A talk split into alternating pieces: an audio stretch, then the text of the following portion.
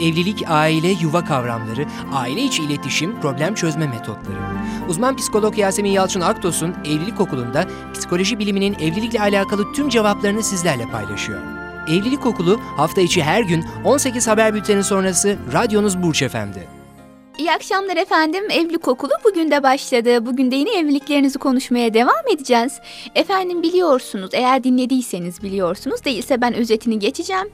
Dün özellikle evlilikte merhamet konusunu işledik. Yani eşlerin birbirlerine karşı şefkat duygularının, merhamet duygularının yetersizliği durumunda sıkıntı olabileceğini. Hani bu anlamda her insan rahatsız olduğunda, her insan sıkıntısı olduğu esnada bir çocuk gibi olur. Yani mağdurdur, mazlumdur ve bu anlamdaki bir insana şefkat gösterilmesi gerektiğini vurguladık. Hatta Dedik ki öyle insanlar var ki televizyonda gördükleri gerçekten merhametlerini celbeden, gözyaşlarının akıtılmasına sebebiyet veren pozisyonlar karşısında hani kadar yumuşuyorlar, o kadar ciddi hüzünleniyorlar ki. Fakat aynı insan yatağa girdiğinde eşinin rahatsızlığını fark etmiyorsa ya da hanım senin için ne yapabilirim, sana bir ıhlamur kaynatıp getireyim mi, bak ne kadar öksürdün demiyorsa ortada bir soru işareti vardır, bir sıkıntı vardır dedik.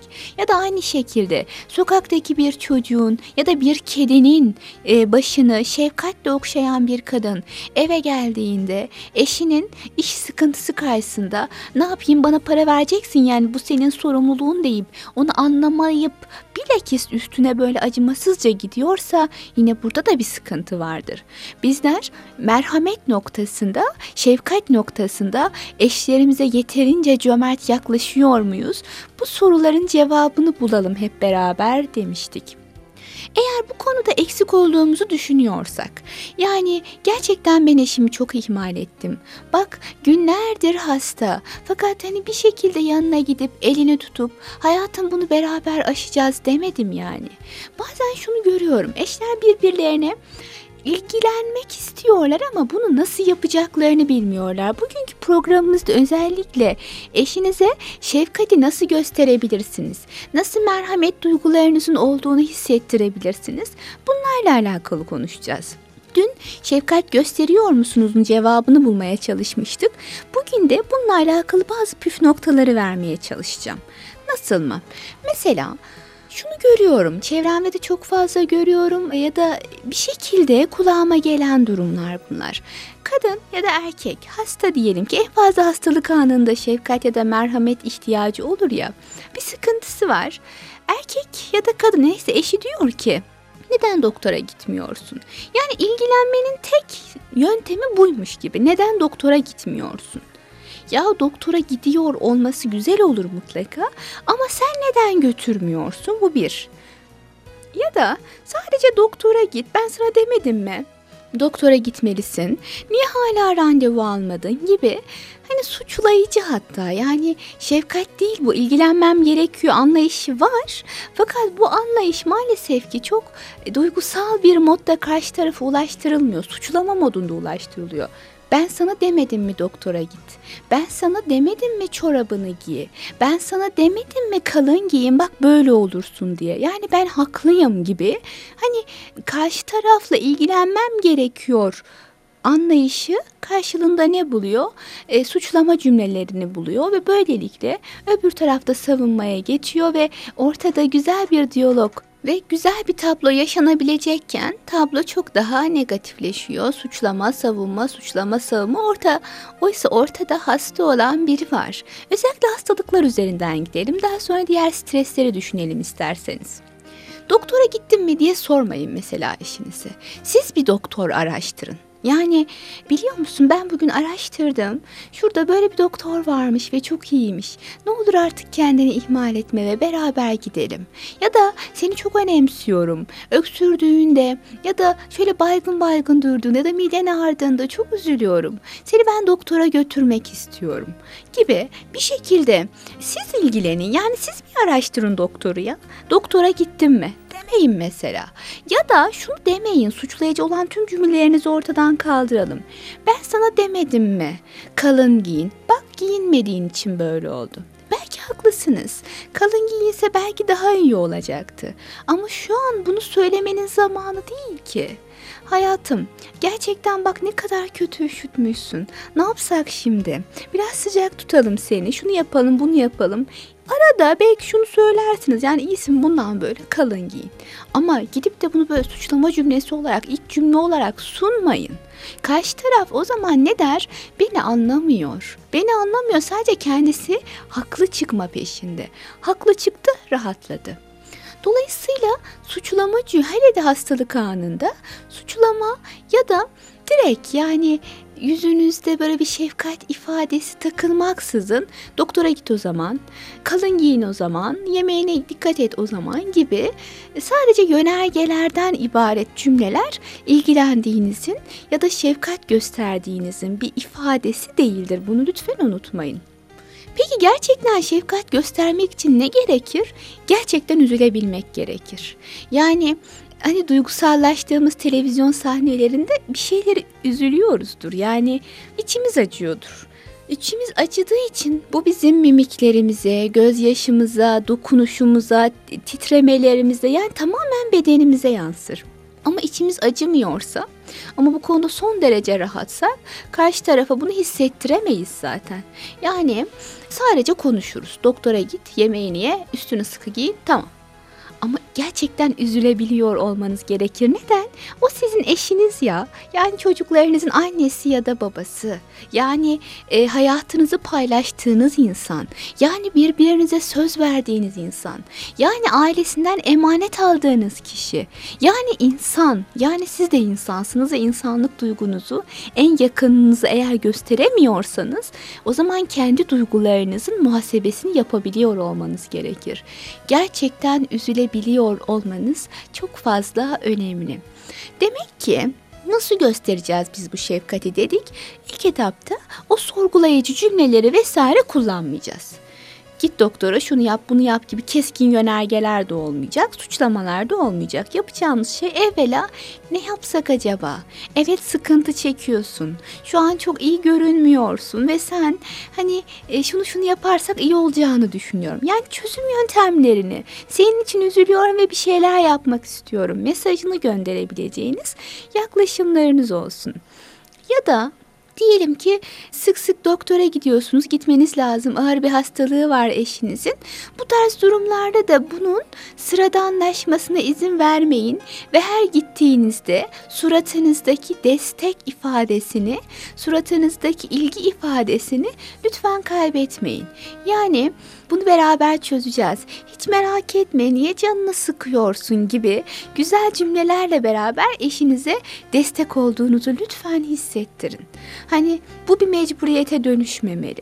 Düşünün mesela eşi çok hasta, sayısızca ameliyat olmuş, çok olmuş bir kadın olduğunu düşünün. Eşi de ona yardımcı olmaya çalışıyor ama bir süre sonra haftada üç kere doktora gitmek çok kolay bir şey değil. Mutlaka değil ama kadın için de değil, erkek için de değil. İkisi için de zor. İkisinin de imtihanı bu. Yani kadının imtihanı belki hasta olmak ama erkeğin imtihanı da karısının hastalığı konusunda ona destek olmak. Yani erkek diyemez ki burada bu onun imtihanı bana ne? Diyemez senin imtihanında hanımına yeterince destek oluyor musun? Şefkat gösteriyor musun? Belki de bu. Belki hanımın hastalığından dolayı sabır gösterdi ve gerçekten güzel bir şekilde bu imtihanını atlatıyor. Ama sen ona yeterince şefkat gösteremedin ve sen kendi imtihanında kayıp yaşadın. Dolayısıyla Erkek şunu düşünemez hanımı hasta olan bir erkek. Ben ona lütufta bulunuyorum, götürüyorum, getiriyorum. Hayır, sen de kendi imtihanını yaşıyorsun. Sen de hayattaki kendi mücadeleni yaşıyorsun. Eşine destek olduğun doğru fakat bu destek ama aynı zamanda senin de kişisel anlamda belli bir noktaya gelmen için sana sunulan bir yaşam. Dolayısıyla sen bir lütufta bulunuyormuş gibi böbürlenemezsin. Bundan dolayı eşini minnet altında bırakman yanlış olur. E böyle olursa çünkü minnet altında bıraktığında ya da bunu bir lütufmuş gibi yaptığında ortaya çıkan sonuç ne oluyor? Suratı asık götürüyor. Hadi yapalım, edelim. Sıradanlaşıyor yani. Oysa ki mesele sadece doktora gitmek değil, destek. Her an destek. Moral, her an moral. Ve bunu sağlayacak olan da en yakınları başta eşi. Hani demek ki günlük hastalıklar dışında çok böyle uzun vadeli tedavi gerektiren hastalıklar karşısında da e, maalesef monotonlaşabiliyoruz. Sıradan tepkiler verebiliyoruz, hastalığa alışabiliyoruz ama hasta insan, canı yanan, sıkıntı yaşayan insanın alışması daha zor. O yüzden de siz bu anlamda ola ki hastalığa zihin bazında alıştınız kendinize gelin, toparlanın eşimin hala desteğe ihtiyacı var. Bir şeyler yolunda gidiyor gibi görünse de onun desteğe ihtiyacının eksilmediğini, böyle bir ihtiyacın aktif bir şekilde devam ettiğini biliyor olmam gerekir diye düşünmelisiniz. Bu da yine önemli olan bir diğer nokta. Evet hastalıklar özellikle yani eşinizin hastalığına tutumunuz nasıl? Çok geçmiş olsun diyor musunuz? Arada arayıp soruyor musunuz gün içinde? Nasıl oldun bugün? Sabah iyi görünmüyordun. Şu an nasılsın? Diyebiliyor musunuz? Demiyorsanız lütfen bunu yapın. Bunlar böyle toplumun kayıpları diye düşünüyorum. Çevremizde akrabalarımızdan, tanıdıklarımızdan hasta olanlar varsa ziyaretlerine gideriz. Gitmemiz gerektiği için yapmayalım bunu. Gitmek istediğimiz için yapalım. Çünkü buna bizim ihtiyacımız var. Ben hep şöyle düşünüyorum. Hani olaya imtihan nazarıyla baktığımda hasta olan kişinin hastalığa sabretmesi gerekir. Bu onun imtihanı doğru. Ama çevresindekilerin de ona yeterince destek olmaları noktasında bir imtihanları var. Bunu kaybetmek istemiyorsanız, imtihanınızı kaybetmek istemiyorsanız bu sadece eşimin imtihanı, bu sadece dostumun imtihanı gibi bakmayın. Ben görevimi yaptım mı? O kazandı sabrederek. Ben görevimi yaparak kazandım mı? Yoksa hala tembel tembel oturup kayıpta mıyım? Bu anlamda bir şeyleri mecburiyetten yapmayalım. Gerçekten vazifemiz olduğunu bilelim bir ve isteyerek yapalım. Çünkü biz insanız. Yani içimizde öyle bir duygu var ve bu duyguyu aynı zamanda tatmin etmek için yapalım. Bu ikisi gerçekten çok fazla önemli. Bununla beraber tabii hamilelik durumları, kadınların özellikle daha duygusal oldukları, merhamet arzu ettikleri dönemlerdir. Bu dönemlerde de hanımınıza hal hatır sormak sık sık. Ne olur bunları ihmal etmeyin. Ya da bir şeye ihtiyacı var mı? Canı bir şey istiyor mu? Ya nazlanmak istiyorsa bırakın nazlansın birkaç aylık zamanı var zaten. Size nazlanacak, kime nazlanacak başka? Bunları da ihmal etmeyelim lütfen. Bu anlamda gerçekten sevdiğinizi, ilgilendiğinizi, gerçekten önemsediğinizi hissettirmek gerçekten hiç zor değil.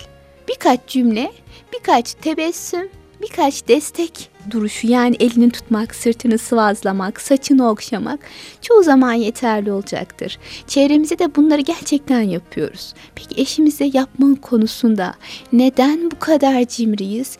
Bunu anlamıyorum gerçekten. Evet efendim, bugün yine merhamete, eşler arasında merhamet duygusuna devam ettik. Aslında konuyu bitirmek istiyordum fakat maalesef zamanımız yetmedi.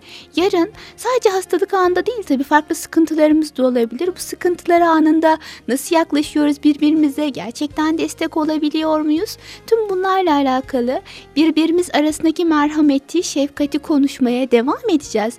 Bu arada yaşadığınız sıkıntılar varsa, sorunlar varsa bunları da bize yazın bize gönderin. Bizler bu konuda size elimizden geldiğince yardımcı olmaya çalışalım efendim.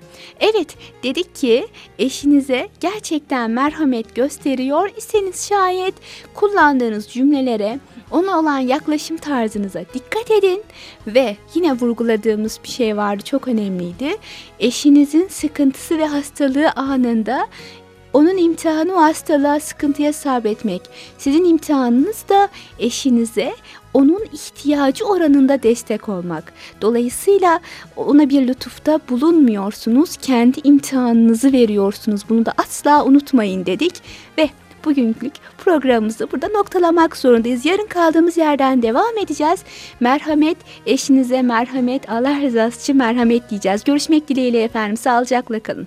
Evlilik, aile, yuva kavramları, aile içi iletişim, problem çözme metotları. Uzman psikolog Yasemin Yalçın Aktos'un Evlilik Okulu'nda psikoloji biliminin evlilikle alakalı tüm cevaplarını sizlerle paylaşıyor. Evlilik Okulu hafta içi her gün 18 haber bülteni sonrası radyonuz Burç Efendi.